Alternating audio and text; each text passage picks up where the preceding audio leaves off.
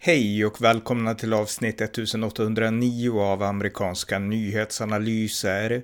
En konservativ podcast med mig, Ronny Berggren, som kan stödjas på swishnummer 070-30 28 95 0.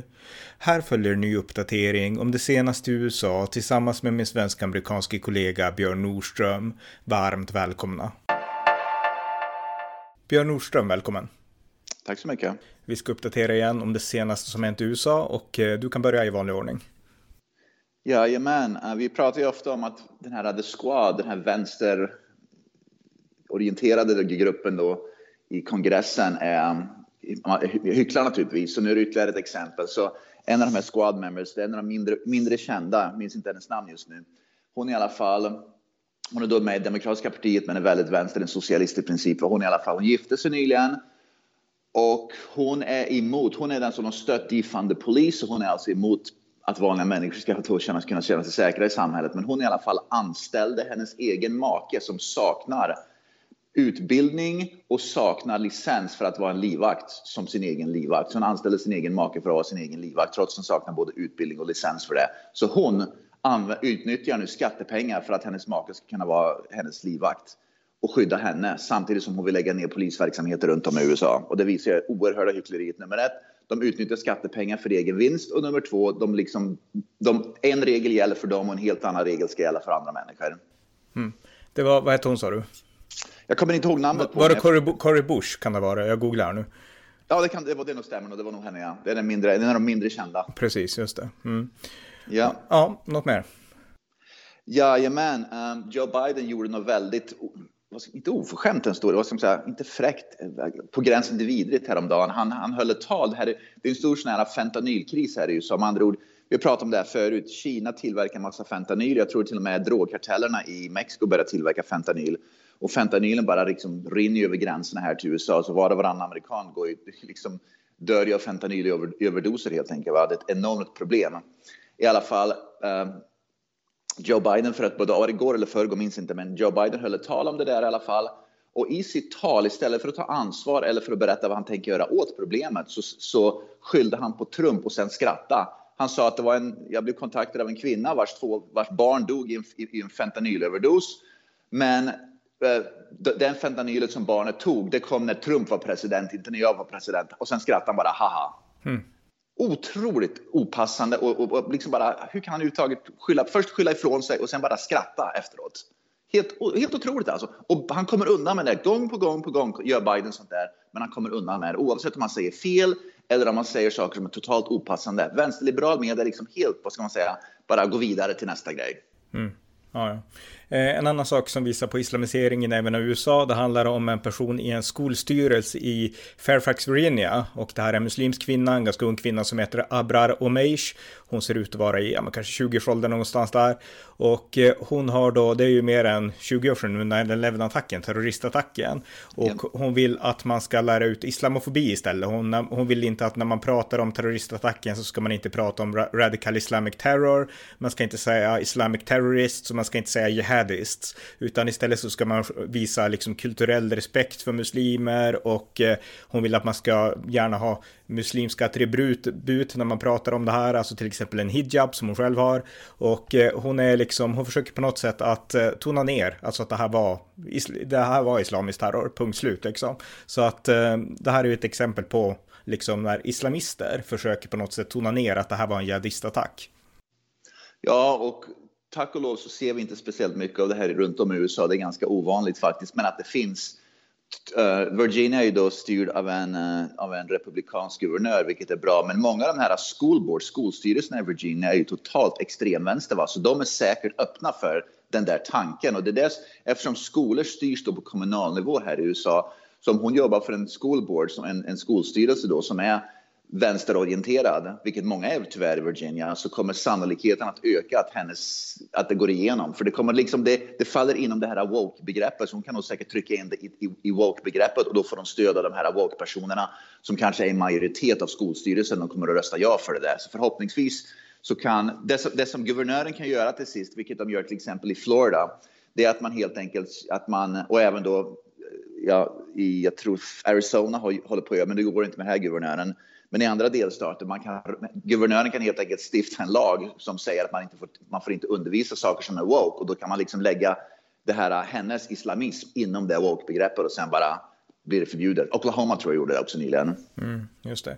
Och eh, ja, något mer? Ja, vi pratar om den här kanadensiska, jag vet att det inte är USA, men den här kanadensiska läraren då som, är, som påstår sig vara en transgender och har då bröstproteser som är en halv meter långa och så vidare, vad som hela Kanada har ett problem med nu därför att det, liksom, det visade, han har liksom dratt, dratt den här woke och det här, det här transgender till absurdum. Han i alla fall nu har blivit omplacerad. Han har fortfarande lön av skolan och av, av kommunen, men han är omplacerad. Han får inte vara längre träslöjdslärare tydligen, men det är fortfarande ett problem. De vet inte vad de ska göra med honom. Det är bara en, en rolig följetong i alla fall. Och på tal om transgender, jag såg att min förra delstat Vermont i, i nyheterna nu igen. Vermont har ju då en lag som säger att biologiska pojkar på skolor får tävla mot biologiska flickor om de påstår sig vara, om de identifierar sig med, som en flicka. Så en biologisk pojke i, på, på ett gymnasium i delstaten Vermont eh, som spelar eh, basket eh, är med i ett flicklag. Men motståndarlaget vägrade spela en match. De helt enkelt, de vägrade ställa upp, de vägrade spela. De, åkte, de liksom åkte inte dit. De sa att vi ställer inte upp och spelar. Så de, då fick de liksom, vad heter det, forfeit heter det på engelska. De fick stryk då. De, det liksom blev en automatisk förlust, va? men de vägrade ställa upp. För de sa, tränaren för det laget, flicklaget sa att det här är orättvist. Vi vill inte spela mot biologiska pojkar därför att det är helt enkelt orättvist. Det, är liksom, det blir ett handikapp på det hela. Det, blir, det är orättvist helt enkelt. Vi vill bara spela mot biologiska flickor därför att det, liksom är, det är det rättvisa. rättvisa. Mm.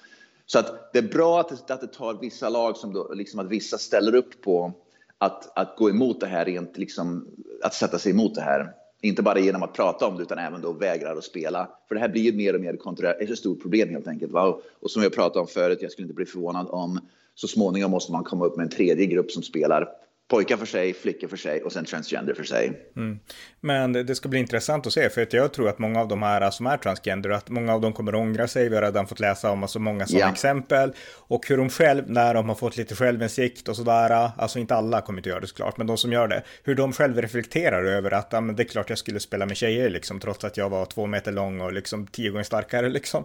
Så att jag menar, eh, sådana reflektioner ska bli intressanta. Och vi har inte så många av dem just nu, men alltså vänta fyra, fem, tio år till så finns det säkert de som är liksom mycket mer kritiska mot det här och kan liksom reflektera utifrån. Och det ska bli jättespännande att ta del av. Ja, och det vi har, jag har nämnt det någon gång förut. Man, man, frågar sig bara hur många, hur många flickor och hur många tjejers liv kommer att förstöras på olika sätt på grund av de här galenskaperna innan man hamnar någonstans där det finns en balans i det hela, där man gör, där man gör något vettigt åt det. Hur många flickor kommer flickors liv förstör man under mm. tiden? Ja, det Tyvärr. Kan, det kan man verkligen fråga sig. Eh, något annat? Ja, Uh, dels, I delstaten, delstaten Georgia styrs av en, av en guvernör som är republikan. Men Brian Kemp, han är jättebra. Ja, precis.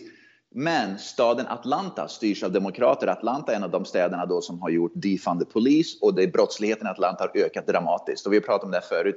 Städer styrs av, liksom, inte av guvernören utan av borgmästaren. Vad som borgmästaren en, liksom vill lägga ner polisverksamheten, precis som i Austin, Texas vi har pratat om, eller Portland, Oregon, eller Seattle, Washington då har inte guvernören, guvernören kan inte göra någonting. Va?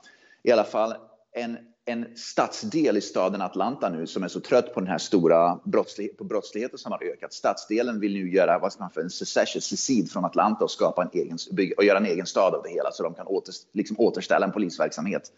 Och det är någonting som vi kommer att se. Jag vet att det finns um, de mer um, rural i Oregon så är det de östra delarna som gränsar till Idaho vad heter det, rural på svenska? Um, Landsbygd typ. Landsbygden, ja, ute i Oregon. De vill göra en secession från Oregon och istället bli med i Idaho. Mm. Vi kommer förmodligen se mer av sånt runt om i USA nu, helt enkelt på grund av de här enorma splittringarna mellan demokrater och republikaner, mellan röda och blåa delstater så tror jag att, och de blir bara större och större på grund av den här retoriken som pågår, var liksom att vänstern här liksom kör demokratiska delstaterna i grunden, så kommer inte längre bara att människor att flytta ifrån dem, utan de vill också kräva att vi ska gå ur den delstaten eller vi ska gå ur den staden och skapa en egen stad. Och vi kommer att se mer och mer av det där tror jag i USA, att man helt enkelt vill kräva att skapa en ny delstat, man vill gå med i en annan delstat eller man vill helt enkelt skapa en ny stad.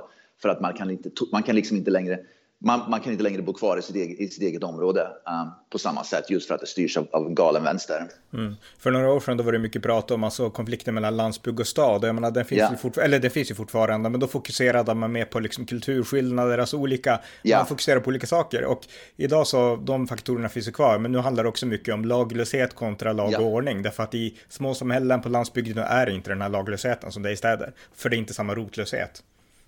Nej, precis. Och även då landsbygden i USA generellt mycket mer konservativ än, än städerna i USA. Och det gör att då röstar man fram konservativa eh, republikaner i mycket större utsträckning och då blir det inte din fan polis. Så det är som är stora skillnaden också. Landsbygden röstar rött, eh, städer röstar blått. Mm. Rött i USA är, är eh, republikaner, blått är demokrater, bara så man inte blandar ihop det. Mm. Ja, något annat? Och på tal om laglöshet, våran vän Lori Lightfoot som är borgmästare i, i i staden Chicago som helt håller på att gå åt skogen. Hon är i alla fall nu, kommer inte att bli omvald som borgmästare. Så de har just nu på ett borgmästarval i Chicago. Och i tisdags i alla fall, det fanns fem kandidater. I tisdags så gjorde de ett primärval då bland Demokraterna. Och hon kom trea. Och de, då, bara de två första går vidare till finalen då bland, bland Demokratiska partiet. Så Lori Lightfoot kommer inte att kunna bli borgmästare där igen. Och nummer två, Chicagos polischef, polischefen då för polisverksamheten i Chicago, David Brown, han har också sagt upp sig nu.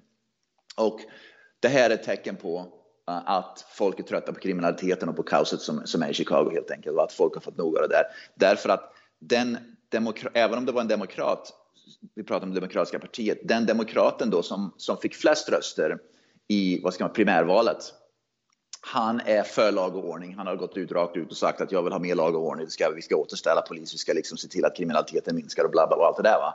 Så att det var Chicagoborna nu har i alla fall röstat, röstat bort Lori Lightfoot som vill defunda polis och de har röstat fram, kommer att rösta fram en person, en ny borgmästare som vill ha lag och ordning och återställa polisverksamheten. Mm. Och det är bra oavsett parti. Jag menar, det visar att det finns faktiskt väljarna har fått nog och det finns kandidater inom demokratiska partiet som också har fått nog. Mm. Men deras, topp, deras toppolitiker, Joe Biden, han, han förstår inte det här utan han fokuserar, nu läser jag att han, han eh, är inne på liksom military assault weapons, alltså de här eh, vapen, högkalibriga vapnen då. Han vill förbjuda dem. Han säger att eh, det ska göra come hell or high water. Och han förklarar att, han ger Delaware som exempel och säger att Delaware har de, har de mest, av, mest del av de här vapnen och vi ska minsann stoppa dem, liksom säger han. Men som du har varit inne på, de här delstaterna i New England, det är inte där det händer liksom fruktansvärda saker. Nej, precis. Delaware hamnar jag, jag, tror, jag, jag kommer inte ihåg när jag senast såg Delaware i huvudnyheterna, headlines i nyheterna i USA, där det har skett en massa massskjutningar och det är ett stort vapenproblem.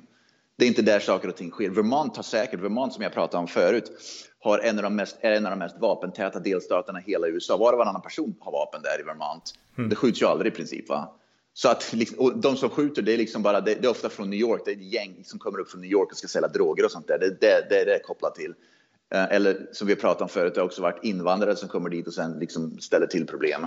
Men vanliga Vermontbor som är uppvuxna, födda och uppvuxna i Vermont och har vapen, det är inte de som skapar problemen. Så Biden fokuserar sig på helt fel saker samtidigt som fentanylen rinner över gränserna och, och liksom var och varannan amerikan överdosar på fentanyl just nu.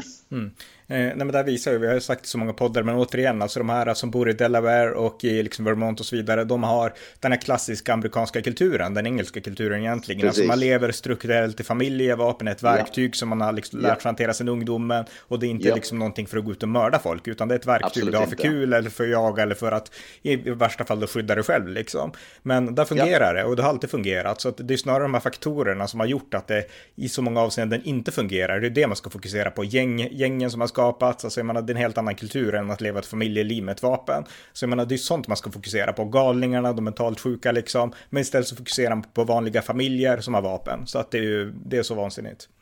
Och tittar jag här, jag bor ju här i Phoenix i Arizona. Här skjuts det ju varje, varje morgon jag slår på morgonnyheterna så är det ett par skjutningar och ett par mord som har till följd av skjutningar. Och det är inte, när man, och då visar, här i USA så visar man ju bilder bokstavligen på nyheterna vem som är gärningsmannen. Så är det ju alltid. Va? Man ser ju direkt att det där är inte en vanlig amerikan som då är en vanlig jägare eller liksom utan man ser att det är liksom gängmedlemmar med tatueringar i ansiktet och såna här saker som man, man blir bara livrädd när man ser dem. Mm. Och, inser, det liksom, och återigen, Biden fokuserar sig på helt fel saker. Vill han stoppa alla dessa skjutningar och, och, och allt som pågår med amerikanska vapen, då måste han se till att stoppa gängen och han måste se till att stoppa, vad ska man säga, vi pratade om det förut, det må, majoriteten av de här morden som sker runt om i USA, det är unga svarta män som skjuter unga svarta män i, i i gettoområden runt om i USA över droger. Där är stora problemet, men det, det, det struntar de fullständigt inom Demokratiska partiet och även Biden. Men, men det är otroligt intressant att säga att man visar bilderna på gärningsmännen i USA. Så här i Sverige så diskuteras, jag såg en video igår, en, eh, en intervju med en man ifrån, eh, från Skåne tror jag, från Lund som hade varit på ett badhus tillsammans med sin 11-åriga dotter och så hade ett par män, eh, åtminstone en av dem var från Mellanöstern, kom dit och eh, tafsade på flickan. Och han försökte skydda ja, dem och de slog ner honom och skulle döda honom. Och det har varit en rättegång nu mot de här, en helt annan kultur än den svenska. In i tingsrätten så satt hela klanen där och filmade och yep. hotade och tjoade och de brydde sig inte om domaren alls liksom. Eh, jag menar, jag har suttit i tingsrätten som nämndeman en gång i världen. Jag menar, då oftast alla svenskar som satt där, de respekterade det rådmannen som det heter, det han bestämde liksom. Nu ska ni vara tysta, annars får ni gå och sådär. Men de här filmade, och de kunde inte bete sig. Och eh, det intressanta är då, för att göra en lång historia kort, är att SVT, när man beskrev det här, så beskrev man inte att de här människorna och de här gärningsmännen var från utlandet, för man tyckte inte att det var relevant. Men i USA är det alltså så att där får man se att det här är inte den liksom vanliga amerikanen som har ett vapen och som alltid haft i flera generationer, utan det här är gängmedlemmar, unga män och så med tatueringar. Ja visst, och de pratar också om om det är en illegal invandrare, då nämner de det rakt ut i nyheterna med att det här är en illegal invandrare som har kommit över gränsen illegalt fyra gånger och så vidare. Vi nämnde då för ett par poddar sedan uh, i södra Arizona på gränsen mot Mexiko så var det en, en vanlig amerikan som sköt ihjäl då han som sköt ihjäl en illegal invandrare för bara några veckor sedan. Han sitter upp, han är nu i, eh, under rättegång då för hans, det blev sänkt från mord till manslaughter eller något sånt där i alla fall. Och det är en vanlig amerikan som hade vapen. Han sköt personer för att det, det liksom kommer han har ju då en, en, en bondgård som är bokstavligen gränsande till Mexiko och det kommer ju illegala invandrare konstant där. Så han, han sköt ihjäl en person som, som han, kändes, som han blev, kändes hotad av helt enkelt. Va? Men poängen är att det är sånt där som sker, det nämnde då att det är Biden som ligger bakom det mordet. Va? För att den personen skyddar bara sig själv, sin familj och sin egendom. Därför att Biden kan inte skydda gränsen helt enkelt. Va? Det är sånt som sker nu, att vanliga människor helt enkelt skjuter ihjäl människor för de måste skydda sig.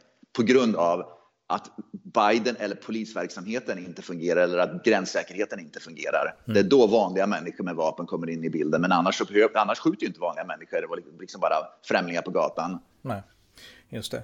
Ja, något annat? Ja, vi pratade om Oregon, vi nämnde det alldeles nyligen. Oregon i alla fall eh, har föreslagit nu, kongressen i delstaten Oregon, att om man är hemlös ska man få 1000 dollar i månaden i cash om man är hemlös. Som andra Oregon vill börja dela ut 1000 dollar i månaden till hemlösa människor som cash bara, bara för att de existerar och är hemlösa. Och återigen visar det då, det här är naturligtvis skattepengar vi pratar om, så de kommer ju behöva höja skatterna och det återigen visar att Oregon är liksom extremvänster därför att istället för att lösa problemet, då ska man då ta och höja skatten så att man bara ger peng, liksom, citattecken, pengar gratis till människor som mm. är hemlösa och inte jobbar. Ja, det, det, är lite grann som att eh, det pratas om i Göteborg, ett förslag i alla fall, om att nyanlända ska få förtur i bostadsrätterna i Göteborg. Eh, skrevs de igår här i Sverige. Så lite Precis. samma inställning. Jag menar, det här är ju ett sätt att undergräva sitt eget samhälle. Det gör att de fungerande strukturerna, de, de bryts sönder. Jag menar, oftast de är hemlösa, speciellt i USA, där man ser bilderna på, ja, men det kommer inte hjälpa dem att få tusen dollar. De kommer inte använda det ansvarsfullt, utan de behöver först hjälp med att få igång sina liv. Och jag menar, Trump hade ju ett bra förslag här. Bygga upp stora tältläger utanför de här områdena, ta in dem dit, där kan de få liksom möjlighet till psykhjälp, de kan få möjlighet till drogbehandling och sen kan man ta nästa steg. Att bara ge dem en tusenlapp, det, det, liksom, det ger ju ingenting, det kommer inte förändra någonting skulle jag tro. Precis, och kritikerna har ju sagt att bara ger man dem en tusen dollar i fickan så kommer mycket av det säkert att gå till droger och alkohol och illegala saker istället för att gå till mm. rätt grejer. Va? Det är så mm. det kommer att bli. Så, men det, det, det fattar ju vem som helst utom Demokraterna då i Oregon. Och på tal om skatter, höjda skatter. Joe Biden hotar i alla fall att han tänker höja skatterna här i USA. Så att mm. Ja. Det är i alla fall en grej, ja. Ja, något annat? Ja, uh, Elise Stefanik, hon är kongresskvinna, republikansk kongresskvinna i norra New York. Hon har nu poängterat ut, så hon bor ju då vid gränsen mot Kanada, så hon bor ju alldeles i distriktet då som är mot kanadensiska gränsen alldeles vid Vermont där uppe. Och hon har i alla fall poängterat ut att på grund av Joe Biden, det, det vi har ju pratat om det förut, men nu har i alla fall hon poängterat ut i kongressen i USA att Joe Bidens liksom helt oansvariga politik vid mexikanska gränsen nu har skapat kaos vid, kanadensiska gränsen med.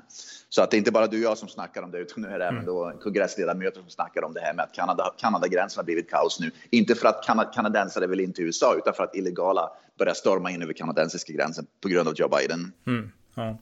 Eh, ja, något mer? Ja, vi nämnde för en podd sen, uh, om jag minns rätt, att um, FBI nu har ju, verkar som att, jag tror FBI som har börjat, som har kommit fram till att det här covid läckte då från ett labb i Kina. Om jag minns rätt så nämnde vi det i alla fall. Så att, mm. Jo, i alla fall John Stewart. John Stewart är ju en väldigt känd personlighet här i USA. Han har ju då en, en tv-show, slags en komiker då. Han i alla fall var väldigt tidig med att kommentera. Det var redan ett par år sedan han gjorde det. Var det, nej, var det tre år sedan? Väldigt, väldigt tidigt kommenterade han att det här kan lika gärna ha släckt, äh, släppts från ett labb i Kina. Va? Mm. Men han blev extremt kritiserad och påhoppad och han blev anklagad för att vara en rasist mot kineser helt enkelt. Uh, för att han råkade påpeka det. Va? Men han har i alla fall gått ut och konstaterat nu att ja, det slutade med att jag hade rätt. Men att jag var tvungen att genomgå ett gatlopp först och bli rasistanklagad innan det visade sig att jag förmodligen hade rätt. Mm. och det visar då hur sinnessjukt vår, vår, liksom vårt samhälle är. Att när man påpekar saker och ting som förmodligen kan vara rätt så, så blir man anklagad för vidriga saker bara för att man, det liksom inte passar in i woke-rörelsen. Mm. Nej, exakt. Även Donald Trump försökte påpeka det här och han varit jätteuppläxad och det var avfärdat som konspirationsteorier och ja. eh, vi vet ju nu också att jag menar, Kina hade ganska högt inflytande i FN och alla de här för att styra ja. narrativet om covid. Så att ja. eh, vi vet ju inte 100% om det stämmer, men det verkar ju stämma att det kommer från laboratoriet och det ska fortsätta undersökas också det här. Så att eh, det är bra att det kommer fram och det visar ju att vi måste vara ännu tuffare mot Kina för då är det verkligen deras fel där. Det är inte bara en slump utan det är liksom, det hände av en orsak att Kina var slarviga, att de inte var öppna och eh, ja, världen måste kunna hålla dem ansvariga för det här om det här bevisas. Japp. Ja. Eh, nästa grej som är intressant på tal om galenskaper i galna delstater, Kalifornien, vi pratar om ofta, framförallt San Francisco, det är liksom vänstervridet och bara dånar om det. San Francisco har nu kommit fram till att, om det här kommer att ske eller inte, det vet jag inte, men i alla fall San Francisco vill Politikerna i San Francisco, vilket är demokrater i princip i stor majoritet, vill ge varje svart person i San Francisco 5 miljoner dollar som en reparation för slaveriet. Det intressanta med att alltså, San Francisco... Inte fem, inte fem miljoner dollar väl? 5 miljoner dollar. Varje person som är svart? 5 miljoner dollar. Ja, 5 miljoner dollar. 50 miljoner svenska kronor. 5 miljoner dollar. Ni har läst, jag på svimma. Jo, det stämmer.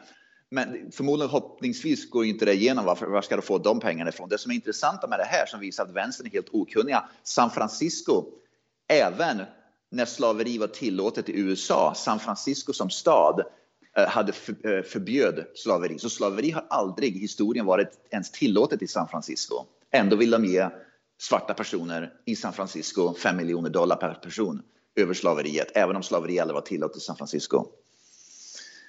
Ja, Helt otroligt. Ja, okej. Okay. Ja, jag vet inte vad jag ska säga. Det, ja, jag, jag, googlade nu när du berättade, det, det stämmer ju alltså. Det, det, det är vansinnigt. Det kommer väl inte bli av där, men alltså det är helt, alltså vad tänker man med? Vad tänker man med? Ja, jag förstår liksom inte. Sen hur ska man välja ut? Hur ska man liksom ja. välja ut vilka personer? Hur, om det, och min tanke är då att säga att det är en svart man som är ett barn med en vit kvinna då, den, den, den, den halv, ett halvsvart barn då, som, som då, ska den personen då få 2,5 miljoner dollar? Tiger, Tiger Woods, som han flyttade till San Francisco, hans pappa var, är svart, hans mamma är asiat. Vad är han då? Liksom, att hur ska man liksom, vad är för for, men de sa att det fanns ingen formel för det hela. Det liksom finns ingen matematisk formel som ska klura ut det där, utan det liksom bara var något, vi kände att det var en rätt siffra som hamnade rätt ungefär. Det är som i Sverige, va? Socialdemokraterna. Det kändes rätt. Vi hamnar rätt i den siffran känner vi. Så det var, det var så de kom fram till sånt där. Mm. På tal om ras och så, så du nämnde Lori Lightfoot. Jag tror inte att du sa det här, men hon, hon fick en fråga av en reporter nyligen om hon anser, ansåg att hon hade blivit behandlat orättvist nu när hon inte kunde, kommer kunna få förbli borgmästare. Och då svarade hon yeah. så här. I'm a black woman in America, of course ja, precis. Då är det ras. Omedelbart är det ras. Det, det, det intressanta är att Chicago har en väldigt stor grupp svarta som, är, som röstar. Så att hon blev framröstad tack vare svarta, men nu är hon bortröstad på grund av svarta. Mm. Så det faktiskt, den, den, svarta gruppen har en, en, en stor väljargrupp i Chicago som, som, som, som har liksom valt hennes öde. Va? Och det är dem hon klagar på i, i slutändan. Mm. Så att hon förstör för den svarta gruppen på grund av hennes, liksom, hennes defunded polisskit. Men allt sånt här när man går överstyr som hon nu gör med sånt här uttalande, till slut måste amerikanen bara bli less på det här och tänka att det här är inte min skuld, jag skiter i det här och nu kör jag ja. bara på liksom. Alltså till slut, ja, till slut måste det bli ett wake-up call och USA blir normalt igen liksom. Så ja, man bryr sig inte om det här, liksom, när folk svart, liksom, när allt pratar om rasism och rasism, liksom, folk bryr sig inte om det där längre här i USA. Nej. Det är som i Sverige, man, för 10-15 år sedan när det drog igång det här rasistanklagelsen, alla rasister hit och dit och så vidare. Va? Då var man kanske lite mer, men nu bryr man sig inte om längre. Okej, okay, det spelar ingen roll, vad jag, öppnar jag bara käften så är jag rasist tydligen, så jag skiter i det. Det är så man tänker här med. Mm. Det, finns en, det finns en serie som jag började säga, den bygger på tv-spel som heter The Last of Us, heter den, känner du till den? Det är typ en slags, eh, inte zombie-serie, men nästan en snarlik zombie-serie. Nej. Det är inget du känner till? Nej, okej. Okay. Nej. Nej, nej okej. För det enda jag tänkte säga det var att, fast jag vill inte spoila för mycket, men vi kan återkomma till den till ett annat, ett annat avsnitt i så fall. Men, ja, uh, ja okej, okay, något mer? Ja, jag har ett par saker, två saker till. Nummer ett, Pete Buttigieg är under, under utredning av sitt eget departement. Vad är han? Han är, han är minister för, vad heter Transport. det? Transportminister. Ja. Han är, ut, han är ut, under utredning av transportdepartementet här i USA i alla fall för att ha använt ett privatplan alldeles för mycket. Han pratar ju om att grön omställning till grön energi och så vidare, men han flyger privatplan konstant. Mm. Så han är i alla fall ut, under utredning nu på grund av sitt enorma användande av privatplanen för att um, han kan använda det för mycket helt enkelt. Va? Så det är intressant. Nummer ett, han hycklar ju. Nummer två, han är till och med under utredning av, sitt eget, av sina egna anställda nu för mm. att missanvänt då privatplanen. Och nummer två, den sista grejen som jag har, det är att vi pratar om det här att Disney World i Florida har ju gått woke under de senaste åren. Disney World i Florida är också, de styrs inte av delstatslagar. Det är det enda företaget tror jag i hela USA som inte styrs, som inte är kontrollerat av varken del, som inte har någon, någon form av delstatsöversikt. De liksom styr, Disney World styrs av sig själva. De har en egen, vad ska man säga, det, det är liksom en helt egen, vad ska man säga, de styr sitt vakuum av sig själva. Mm. De behöver inte följa lagar i delstaten Florida. För att när Walt Disney då för, för flera decennier sedan Eh, började köpa land och investera massa pengar i Florida och ville flytta då, öppna ny verksamhet i Florida. Då var ju Florida ganska, då var Florida väldigt impopulärt. Många, det var inte så många som bodde i Florida. Så Florida gav Walt Disney då, eh, vad ska man säga, ett, en, ett fripass att styra, liksom att, att inte behöva styras under Florida-lagar. Så att han skulle investera där för att, för att liksom öppna upp Disney World och allt det där. Nu har i alla fall Ron DeSantis då, som är guvernör för Florida dragit bort det så att nu kommer Disney att styras under Florida-lagar precis som alla andra företag. Det har att göra med naturligtvis i grunden att de, att de är woke, att de har förstört liksom mycket av verksamheten på grund av woke. Men DeSantis officiella förklaring är att, att inget företag i, i Florida ska kunna styras av sig själva. Alla företag ska följa eh, Floridas lagar och Disney är inget undantag från det helt enkelt. Va? Så att Disneys woke har nu ställt till det för sig själva att de inte längre får styra sig själva utan de måste följa lagarna i, under, under Florida. Mycket intressant. Jag minns inte detaljerna där, men, men alltså jag minns, jag har läst i något sammanhang att Disney ja. hade den här friheten. Så att, eh, ja. ja. Den är ja. borttagen nu i alla fall mm. av guvernören, så det är bra. Mm. Okej, okay, men tack så Go mycket. Go woke or broke. Ja. Mm, precis, tack. Tack så mycket. Tack. Tack för att ni har lyssnat på amerikanska nyhetsanalyser. En podcast som kan stödjas på swishnummer 070-30 28 95 0 eller via hemsidan på Paypal, Patreon eller bankkonto. Skänk också gärna en donation till valfri Ukraina-insamling. Allt gott tills nästa gång.